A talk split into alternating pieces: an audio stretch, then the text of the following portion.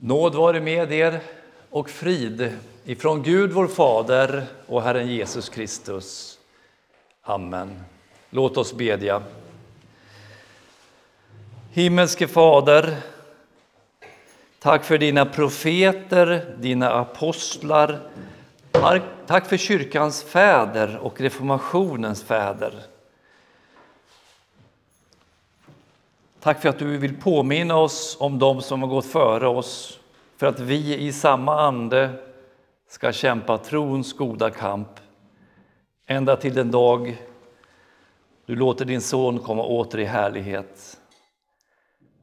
Amen.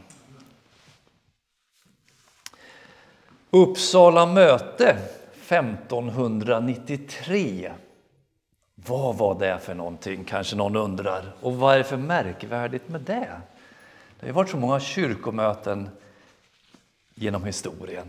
Även i Sverige har det funnits kyrkomöten och riksdagar. Uppsala möte 1593 är väldigt unikt skulle man kunna säga på många sätt och vi kommer komma in på, ni kommer upptäcka efterhand hur, varför det är så unikt.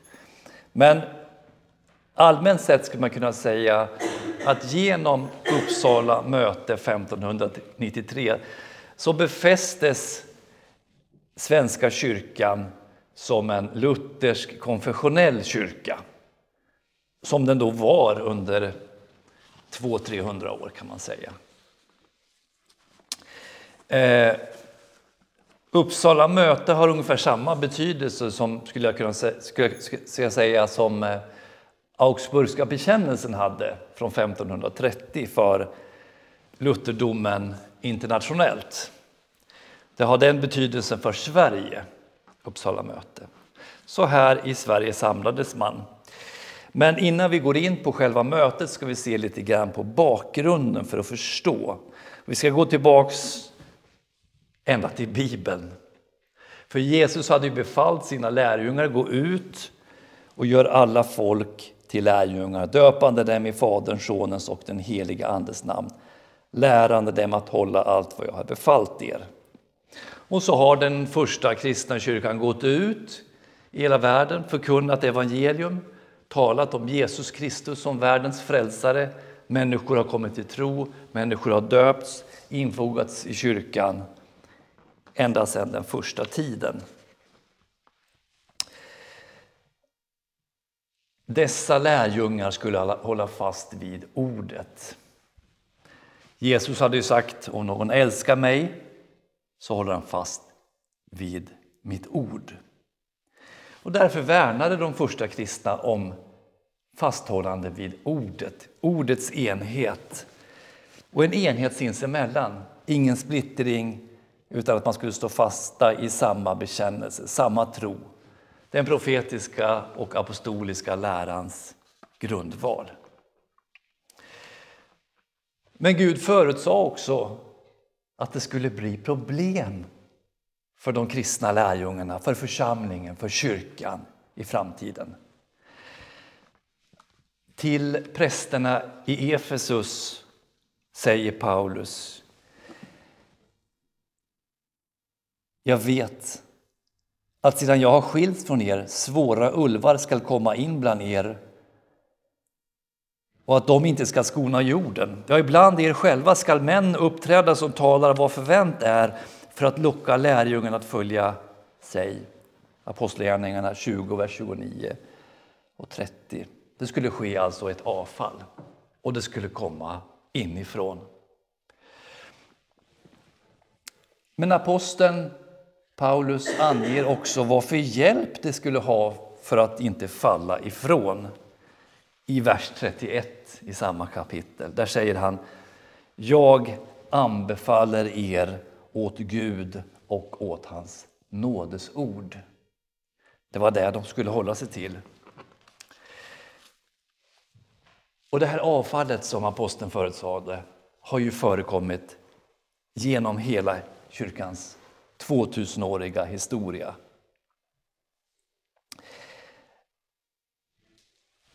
Men vi ska också påminna om att trots detta avfall så har Gud i sin nåd ändå bevarat kyrkan.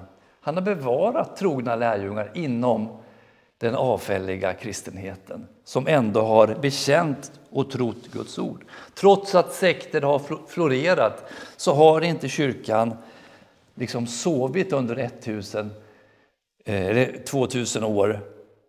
Utan det har funnits människor som har bekänt sig till Guds ords lära. Så rätta kristna känner ju ett andligt släktskap med kyrkan genom alla dess epoker och tider. Vi känner släktskap med Augustinus, Ambrosius av Milano, Kyrillos av Alexandria. Ja, det finns många fina fäder genom kyrkans historia.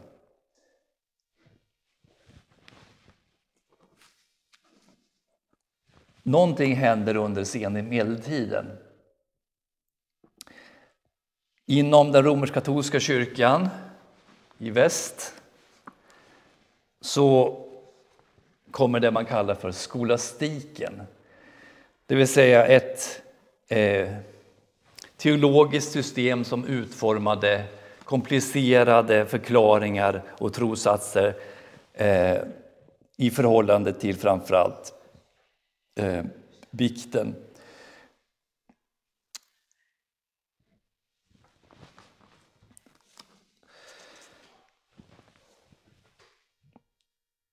Och därför reste Gud upp en munk, Martin Luther.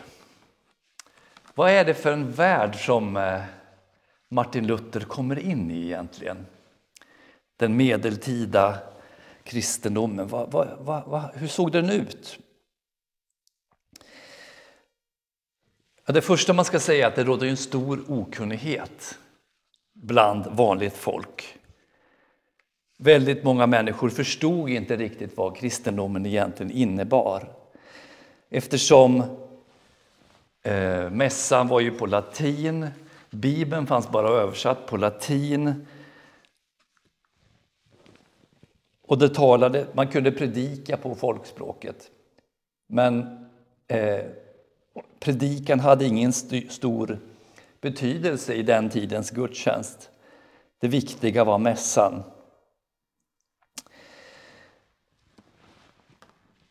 Och varför var mässan så viktigt då? Jo, eh, den romersk-katolska kyrkan hade utformat en lära om det så kallade mässoffret. Man menar alltså att prästen, när han celebrerade nattvarden, firade nattvarden, offrade Kristus på nytt. Och då var det, det viktiga var då inte mottagandet av Kristi kropp och blod, utan själva offerhandlingen. Och man kunde få en viss merit bara av att vara närvarande, att bevista mässan. Så kunde man få del av förtjänst. Och när den ångrande, den i synd och skuld tyngda kristne gick till prästen för att bekänna sina synder och ta emot avlösningen så hade man konstruerat ett system i bikten för att man skulle få frid med Gud och syndernas förlåtelse. Man delade in bikten i olika delar. Munnens bekännelse, alltså confessio oris, att den biktande skulle för att få förlåtelse för sina synder kunna räkna upp alla synder. Man kunde bara få förlåtelse för de synder man kunde räkna upp. Och den andra delen var contritio cordis, hjärtats ånger. Här sades då att det inte är vilken ånger som helst som Gud godkänner utan det ska vara en ånger av kärlek till Gud. Och så kommer det tredje i den romerska bikten, i den romerska biktläran. Och det är satisfactio operis, handlingens tillfyllestgörelse. När den biktande hade, gett, hade bekänt sina synder och tagit emot avlösningen så skulle han som tecken på en rätt bot åläggas att göra vissa saker. Det kunde vara, kunde vara så att man kunde åläggas att få göra vissa saker för att visa att man hade eh, omvänt sig tillräckligt handlingens tillfyllestgörelse. Det kunde handla om så enkla saker som att bedja ett visst antal Fader vår och Ave Maria. Det kunde handla om att göra en pilgrimsfärd. Det kunde handla om att späka sig, slå sig själv för att tygla sitt kött.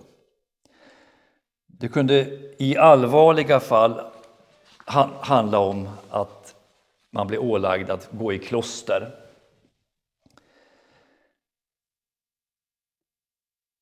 Och ändå så kunde ingen vara riktigt säker på att man hade evig salighet och barnaskap hos Gud. För i den romersk-katolska kyrkan hade man inte och har inte än idag någon lära om en frälsning, frälsningsvisshet. Man menade att ingen kan vara absolut säker på att man kommer till himlen. Tvärtom, om man skulle hävda det så tyckte man att det var ett problem.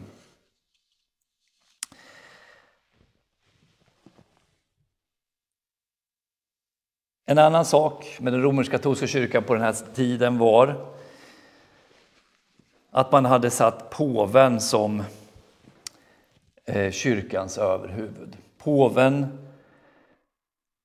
sa man, hade intagit aposteln Petris stol och ingen sann kyrka fanns utom de präster och biskopar som hade sin vigning i succession från påven. Och det gjorde ju att påven skulle styra läran. En annan obiblisk och falsk lära är uppfattningen om jungfrun Maria. Man kallade henne medåterlöserska. Hon var delaktig i frälsningen. Och man kunde ju då eh, säga att man skulle nalkas Kristus via Maria eller någon av helgonen. Så, ett totalt mörker, skulle man kunna säga. Och då träder munken Martin Luther upp. Han hade studerat Romarbrevet och där hade han upptäckt att Guds ord lär att saligheten inte kommer an på människans förtjänster och bemödanden utan uteslutande på grundval av Kristi lidande, död och uppståndelse. Frälsningen är av nåd, alena för Kristi skull och den människa som ångrande grep om Kristi försoningsverk förtröstade på Jesus Kristus till salighet, den människan ägde nåd, ägde nåd hos Gud. Hon var frälst av nåd alena genom tron alena. Hon var ett Guds barn. Frälsningen kom inte an på späkningar, klostervistelser, pilgrimsresor, böner, ånger, inga gärningar överhuvudtaget, utan tron var den tomma handen som tog emot frälsningens fria gåva. Människan var rättfärdiggjord genom tron. Medan den romerska kyrkan talade om meriter, saker man skulle göra, så talade Luther om Kristi merit, Kristi förtjänst. Och det var också så att Luther satte skriften som högsta auktoritet. Läran skulle inte avgöras av biskopar, präster eller påven utan läran avgjordes av Guds ord. Och de goda gärningarna var inte påhittade handlingar, besök av reliksamlingar, pilgrimsresor som inte står föreskrivet i skriften. De goda gärningarna var de som Gud hade framställt i sin lag, i kärleksbudet, i de tio budorden.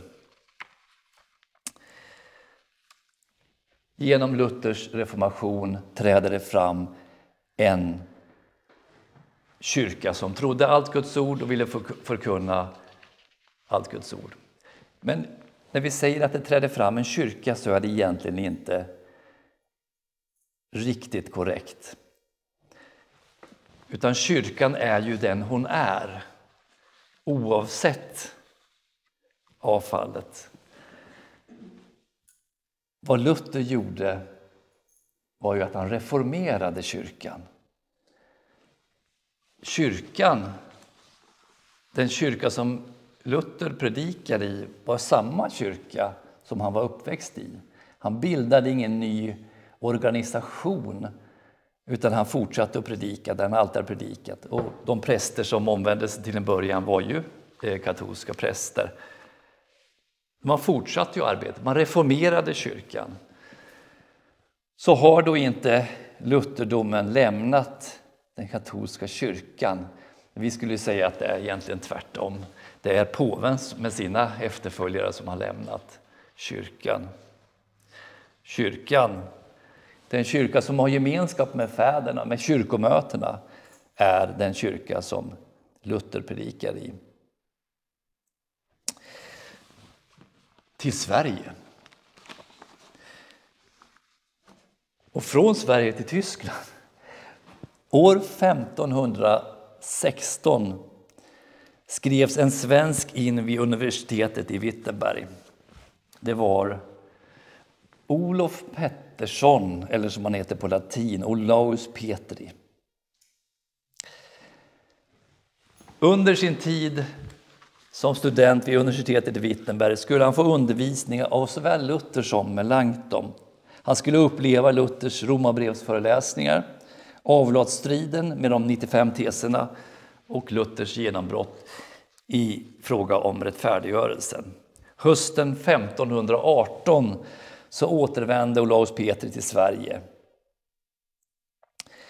Och vid 30 års ålder som diakon i Strängnäs domkyrka började Olaus Petri, eller Olof Pettersson om man så vill, att förkunna den evangeliska läran. Och vid hans sida stod Laurentius André, ärkejäkn i Strängnäs och rådgivare åt den nyblivne kungen Gustav Vasa.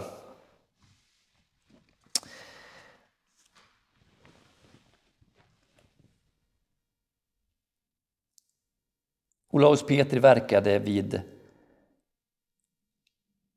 som statssekreterare från år, från år 1524 och han verkade vid Storkyrkan i Stockholm. Och nu började ju reformationsverket på allvar. Man började dela ut nattvarden under de båda gestalterna.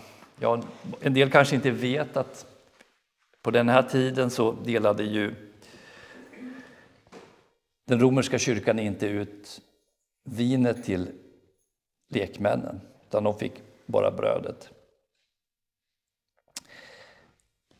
Man började skriva och översätta salmer till folkspråket. Man började sprida böcker som förkunnade läran att Gud frälsar syndare av nåd för Kristi skull på svenska. Och Olaus Petri manade prästerskapet att förkunna evangelium. Reformationsverket är igång. Men fick också motstånd. Vi har ju Hans Brask, Västgötaherrarna och Västeråsprästerna.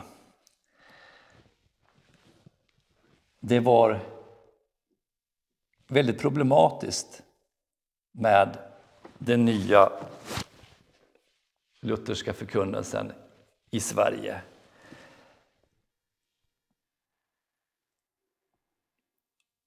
Sverige hade också en krigsskuld till Lübeck. Man hade ett krigshot österifrån. Och de här problemen gjorde att Gustav Vasa sammankallade en riksdag i Västerås 1527.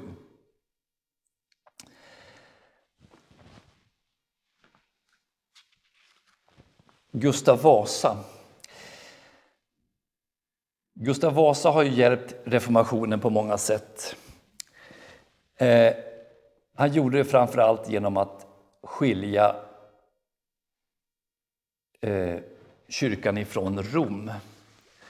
Men ett problem med Gustav Vasa det var att han satte ju sig själv som, kan man säga, huvud för kyrkan. Ungefär som Henrik den åttonde hade gjort i England. Han styrde ganska starkt över Svenska kyrkan.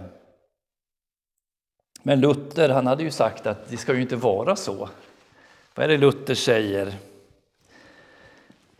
Gud har förordnat två regementen, det andliga som genom den heliga Ande skapar kristna och gudfruktiga människor och det världsliga som tyglar de okristna och ogudaktiga så att de tvingas upprätthålla en yttre frid även mot sin vilja. Enligt luthersk tro så finns det ju två styrelsesätt. Den andliga makten och den världsliga överheten. Och de här får man inte blanda samman. Men det gjorde ju Gustav Vasa. Kyrkan gynnades i vilket fall som helst till en början av överhetens beskydd. År 1531 kom Olaus Petri ut med en högmässoordning, den svenska mässan. Och samma år vigdes Olofs yngre bror Laurentius till den svenska kyrkans första lutherska ärkebiskop. Och den här äh, Laurentius, eller Mäster Lars som han kallas, fick stor betydelse för den lutherska kyrkan. Han stod ju rakryggad mot självaste Vasasonen Erik den XIV som hade kalvinistisk påverkan. Men han skulle bli mest känd för sin kyrkoordning som trycktes 1571 och som blev Sveriges första kyrkolag.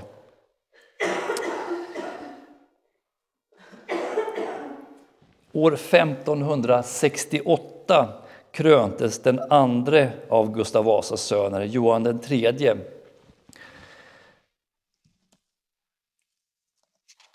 Och det blev han eh, efter det att Erik den XIV hade blivit avsatt.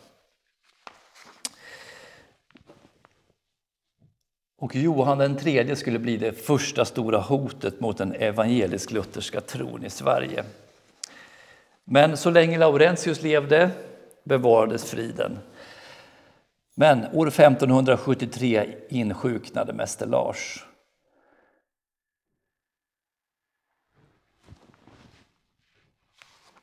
Men han hinner hålla ett avskedstal på ett prästmöte i Stockholm.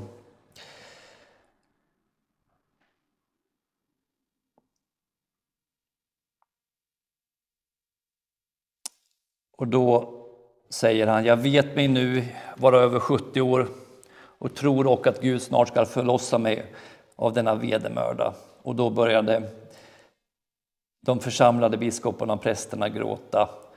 Och då säger professor Benedikti på latin, vördige fader, så som vi har förnummit hur mycket Gud välsignat hela sin församling och avvänt falsk lära för eders skull, så fruktar vi att nu en stor prövning tillstundar för oss. Och han fick ju rätt. Vi är nu framme på 1570-talet. Johan den tredje beskrivs ofta som en temperamentsfull och känslomässigt instabil personlighet. Och på så sätt så liknar han ju ganska mycket Gustav Vasa.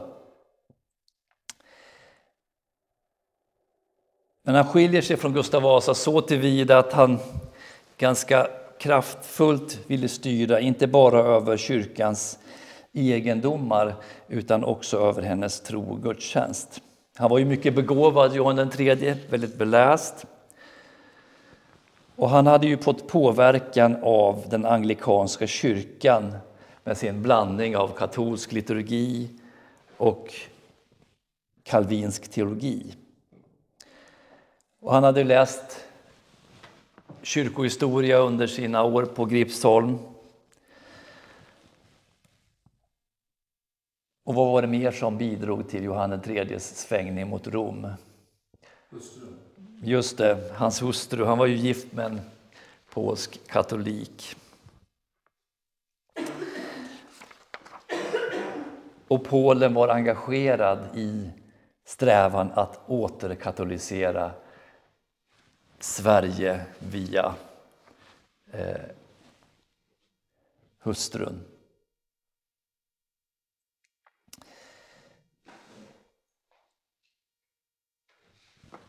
En annan sak som påverkade eh, som jag ska nämna i korthet. Jag ska inte gå in så väldigt i detalj, men jag ska nämna i korthet en, som, en sak som påverkade var också rent ekonomiska saker.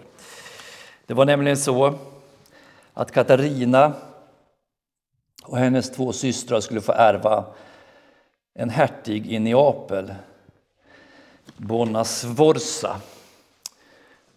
Och det gällde ju miljoner dukater. Och Sverige hade ju problem med sin ekonomi. Men för att Johan skulle få del av Katarinas arv så behövde han visa att han var lojal påven.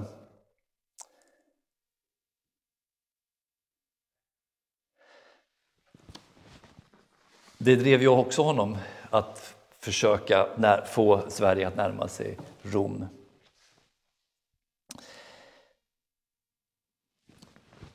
–1574 vid riksdagen i Stockholm så började Johan III öppet driva prästerskapet och biskoparna mot sina egna reformkatolska idéer.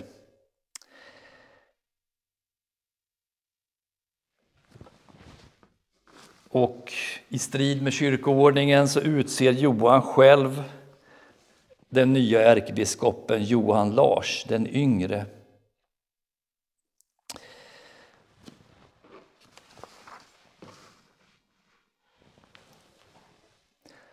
Johan engagerar sig själv i det kyrkliga reformarbetet. Han lät komplettera en eh, lät göra en komplettering till 1571 års kyrkoordning. Han hade en egen variant som hette Nova Ordinantia Ecclesticae. Och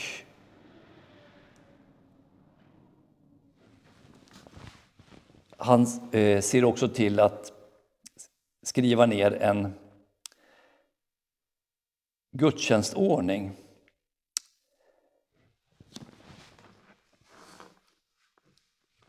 liturgiga, svekane, ecclesiae, katolikae et ortodoxae conformis. En mässbok som också kom att kallas Röda boken på grund av sina röda pärmar. Och även om det är så att mycket i den röda boken påminner om Olaus Petris mässordning så kan man inte förneka att det fanns eh, en anpassning till den romersk-katolska mässan. Vi finner där till och med en, en form av mässoffersbön.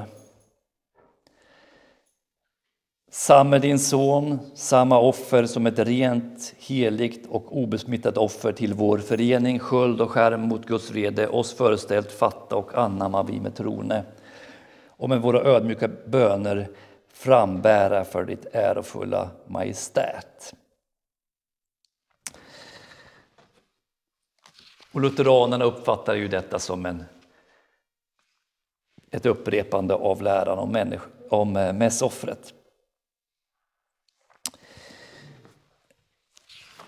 Johan III hade bestämt sig för att försöka få den här gudstjänstordningen till en allmän mässordning i Sverige. Och han agerade på sånt sätt att han hotade att avsätta präster som inte använde mässboken. Men opinionen mot mässboken börjar ju växa i Sverige. Och på motståndarnas sida finns ju hans bror, hertig Karl. Han stödjer de präster som agerar mot Johan IIIs reformkatolska strävanden. Hertig Karl han hade ju en viss luthersk bekännelse genom sina kontakter i Tyskland. Men det var inte frågan om en renlärig lutherdom. Han drogs åt en inriktning som kallas för filippism eller kalvinism, kryptokalvinism. Och hertig Karl började studera skrifter som var kalvinistiska och hans kansler Feling han var öppet kalvinistisk.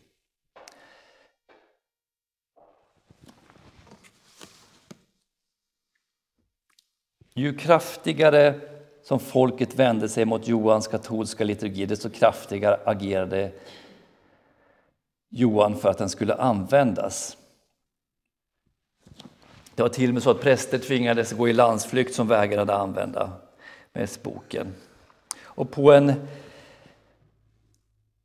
riksdag framför Karl inför Johan att prästerskapet måste få yttra sig över och godkänna en kyrkoordning innan man kunde anbefalla eller använda den. Han säger att det måste till ett kyrkomöte.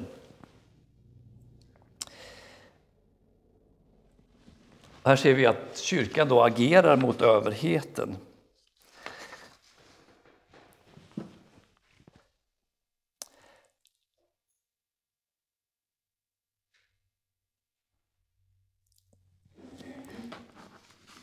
I hertigdömet, i Karls hertigdöme så förklarades en del präster fredlösa. Och 1589 så exkommunicerade ärkebiskopen Strängnäs stifts prästerskap. Och det var på grund av motståndet mot den röda boken.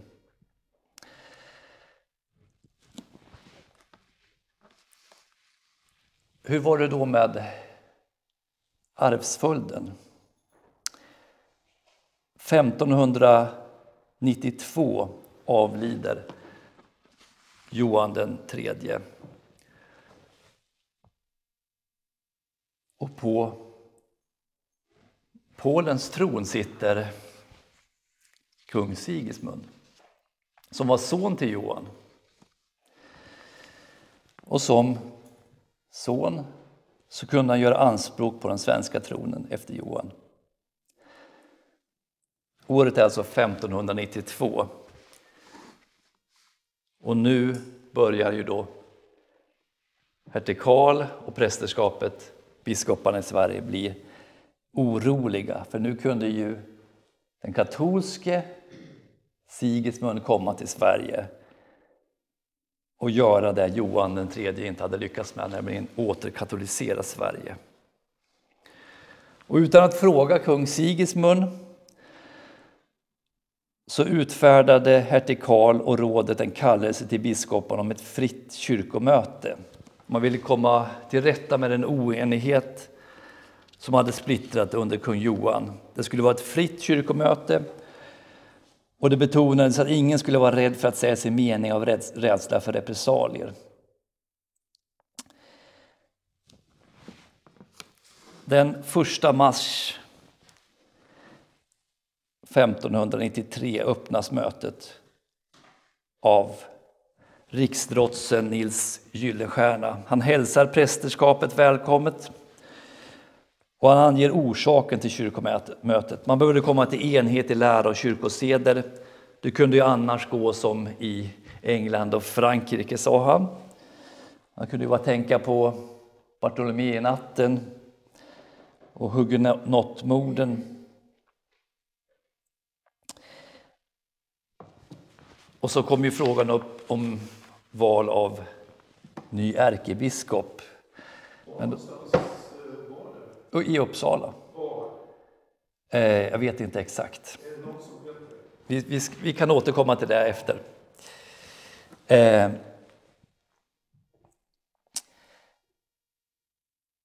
den 2 mars så valdes den renlärige lutheranen Botniensis till ordförande för mötet. Man hade ju sagt att det skulle vara fritt och man fick välja själv. Man ville inte att det skulle styras av hertigen eller kungen. Biskoparna skulle själva få styra över mötet. Och lördagen den 3 mars så håller Botniensis ett tal om mötets uppgift. I sju teser framför han Bibeln som högsta auktoritet och de tre fornkyrkliga trosbekännelserna som en sammanfattning av Bibelns lära. Han säger här då att Gamla och Nya testamentets skrifter har sitt ursprung av den helige Ande. Att dessa innehåller fullkomligt allt vi behöver veta för att vi ska bli evigt saliga och allt vi behöver veta för att kunna utföra goda gärningar. Den heliga skrift är den grundval utifrån vilken vi kan bygga vår kristna tro och ha som rättesnöre för att kunna döma i läran. Att ingen förklaring av någon kyrkofader eller något kyrkomöte behövs för att kunna uttyda Guds ord. Skriften alena är den enda auktoriteten. Och eh, Botniensis teser infogas sen i mötesbeslutet. Och därefter börjar man läsa upp den Augsburgska bekännelsen. Man läser upp den artikel för artikel med förklaringar.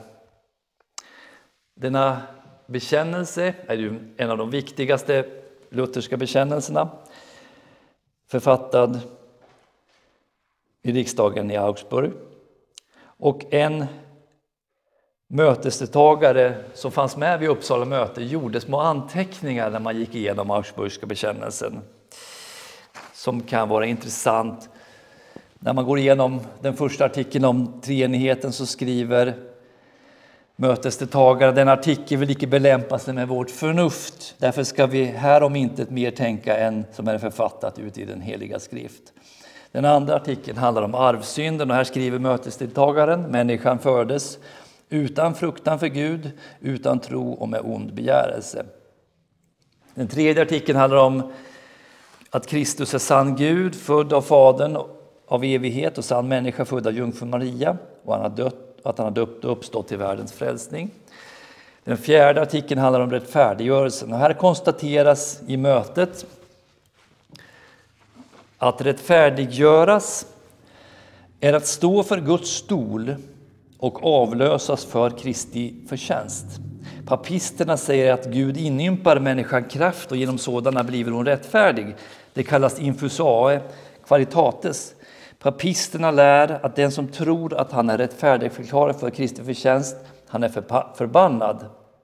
Och så säger man, när vi går in till Gud så skulle vi lägga våra gärningar ut för dörren, men när vi går till människor skall vi bära fram dem igen.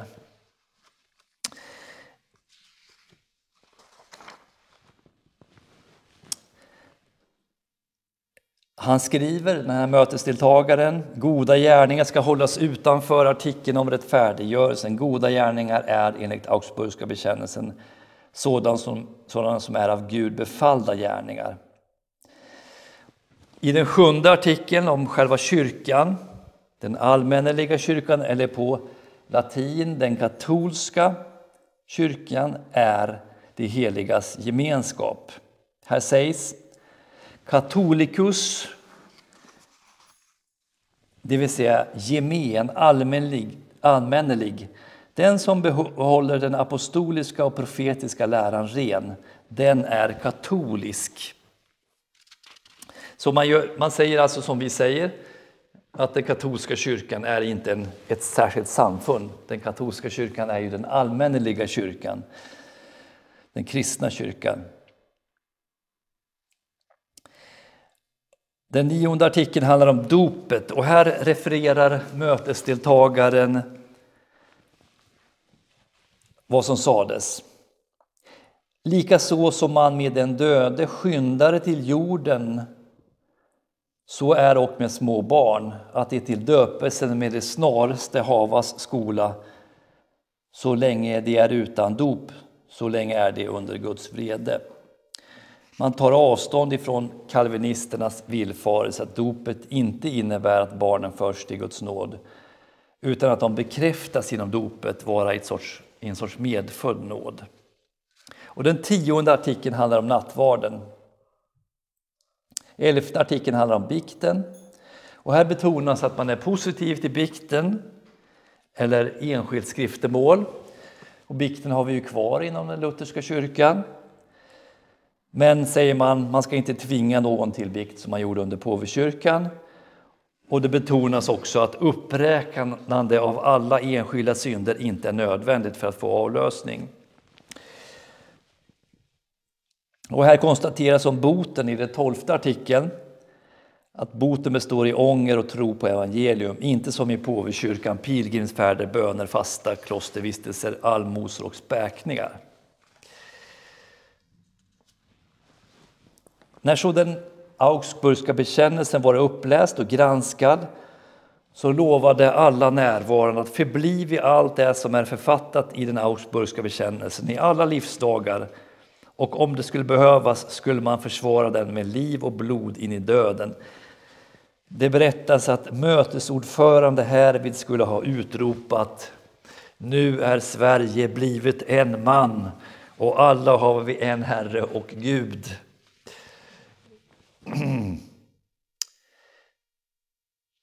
Ja, det är ju fint. Det är så det ska gå till, att man enas i, i samma tro. Men det kanske inte är så enkelt att man kan besluta om det på det sättet. Men väldigt fin formulering. Men när vi kristna bekänner samma tro så kan vi säga vi är en man, vi är ett med varandra när vi bekänner samma tro. Men det är klart, ett par miljoner invånare, en miljon kanske på den tiden, kanske inte kan enas sådär genom ett beslut. Ja, under de närmaste dagarna så blev man då sysselsatt med Johan IIIs liturgi. Hur skulle man förhålla sig till den?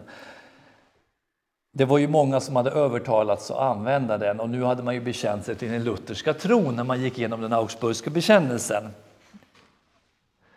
Många hade lovat att använda den, många hade använt sig av den och nu var det många som öppet bekände det som synd och bad om förlåtelse. Och den 7 mars så läste man upp yttranden om Johan IIIs liturgi från flera tyska lutherska städer. Där man då konstaterar att mässan är mer åt det påviska hållet än den allmänneliga kyrkan. Och att den som godtar liturgin, han godtar det påviska mässoffret. Man gjorde avbön från liturgin och lovade att aldrig mer kännas vid den. Men det kommer ju frågan upp, vad ska man använda för liturgi istället för Röda boken när den var avskaffad? Och svaret var att man skulle gå tillbaka till den gamla ordningen, Olaus Petris mässbok. Och till kyrkoordning så använde man Mäster Lars gamla beprövade kyrkoordning. Eh. Men här var det någon som påpekade att det fanns en del saker i eh, liturgin som anknöt till romersk-katolska föreställningar, till exempel upplyftandet av kalken vid nattvarden, den så kallade elevationen. Men man, man svarar då den 9 mars Ceremonier i manualet ska hållas med en kristlig frihet. Men om någon vidskeplig föreställning eller något missbruk uppstår skall det bortläggas.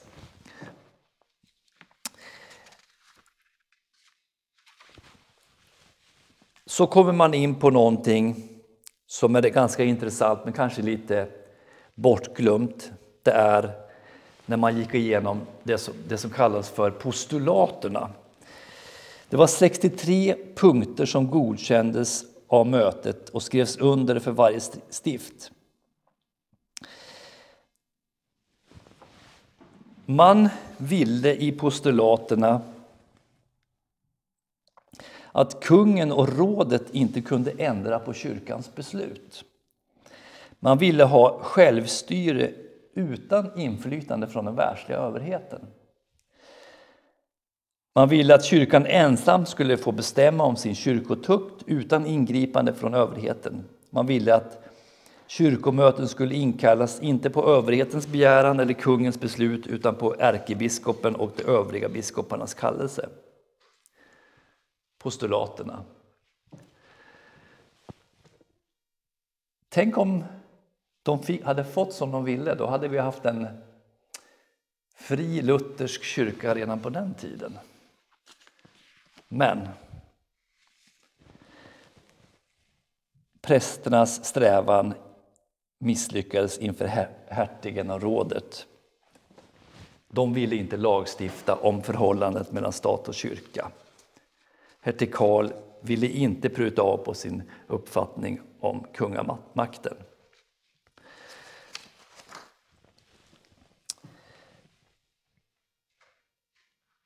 Då hade man gått igenom läran alltså. Man hade samtalat i postulaterna om kyrkans förhållande till staten. Och hertigen och rådet hade gått emot postulaterna. Men nu började hertig Karl att reagera på mötesbeslutet. Han ansåg till exempel att eh, exorcismen vid dopet ni vet att när man eh, ber den onde att lämna i samband med dopet och elevationen vid nattvarden skulle tas bort, ansåg hertig Karl. Då blev de renläriga lutheranerna lite fundersamma. Varför ville hertigen det?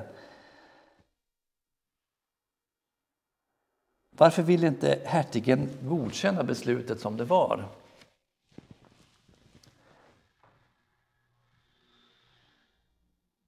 Och man försöker kompromissa med hertigen. Men nu kommer misstanken in, var hertigen kalvinist? För kalvinisterna hade ju förnekat Kristi närvaro i nattvarden. En kalvinist kunde inte tänka sig att ha en dopliturgi med exorcism eftersom man trodde att barnet genom dopet inte behövde föras från mörker till ljus. Kalvinisterna ansåg ju inte att dopet var ett nådemedel utan bara en bekräftelse på att man redan är ett Guds barn. Och då föreslår biskoparna i Åbo och Västerås att man i mötesbeslutet skulle fördöma kalvinister och svinglianer. Så då skickar man iväg två stycken präster till hertig Karl för att få det godkänt att man skulle fördöma kalvinister och svinglianer.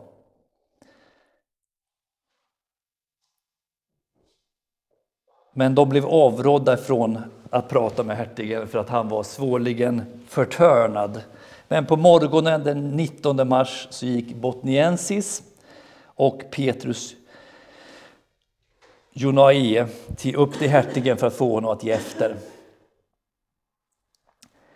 Man ville att han skulle godkänna att man satte in en formulering i beslutet som fördömde svinglianer och kalvinister och hertigen svarade Sätt den in alla som i veten vara av det slaget och fanen i helvetet med, ty han är och min fiende.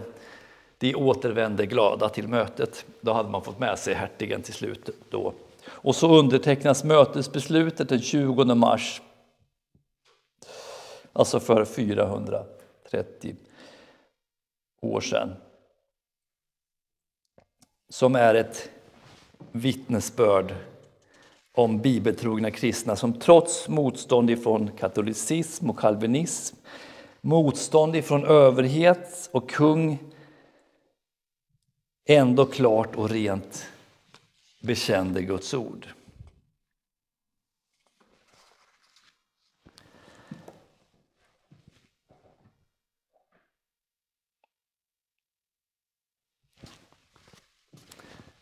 Uppsala mötesbeslut om Uppsala mötes beslut säger en skribent Fädernas arv behöver man nu, behöver nu som då beslutsamt försvaras. Ett andligt arv kan ej ägas utan att av varje ny generation på nytt förvärvas. Här är nutidens ansvar. Skola vi göra oss urarva från denna våra fäders skatt, andra livsåskådningar bjudas oss från höger och vänster, är och det bättre? Ger vi dem vårt nej och fädernas tro vårt ja, så give Gud att detta hos allt fler måtte bli en personligt genomlevd sanning, så att tron må blomma och i Guds kraft bära nya frukter.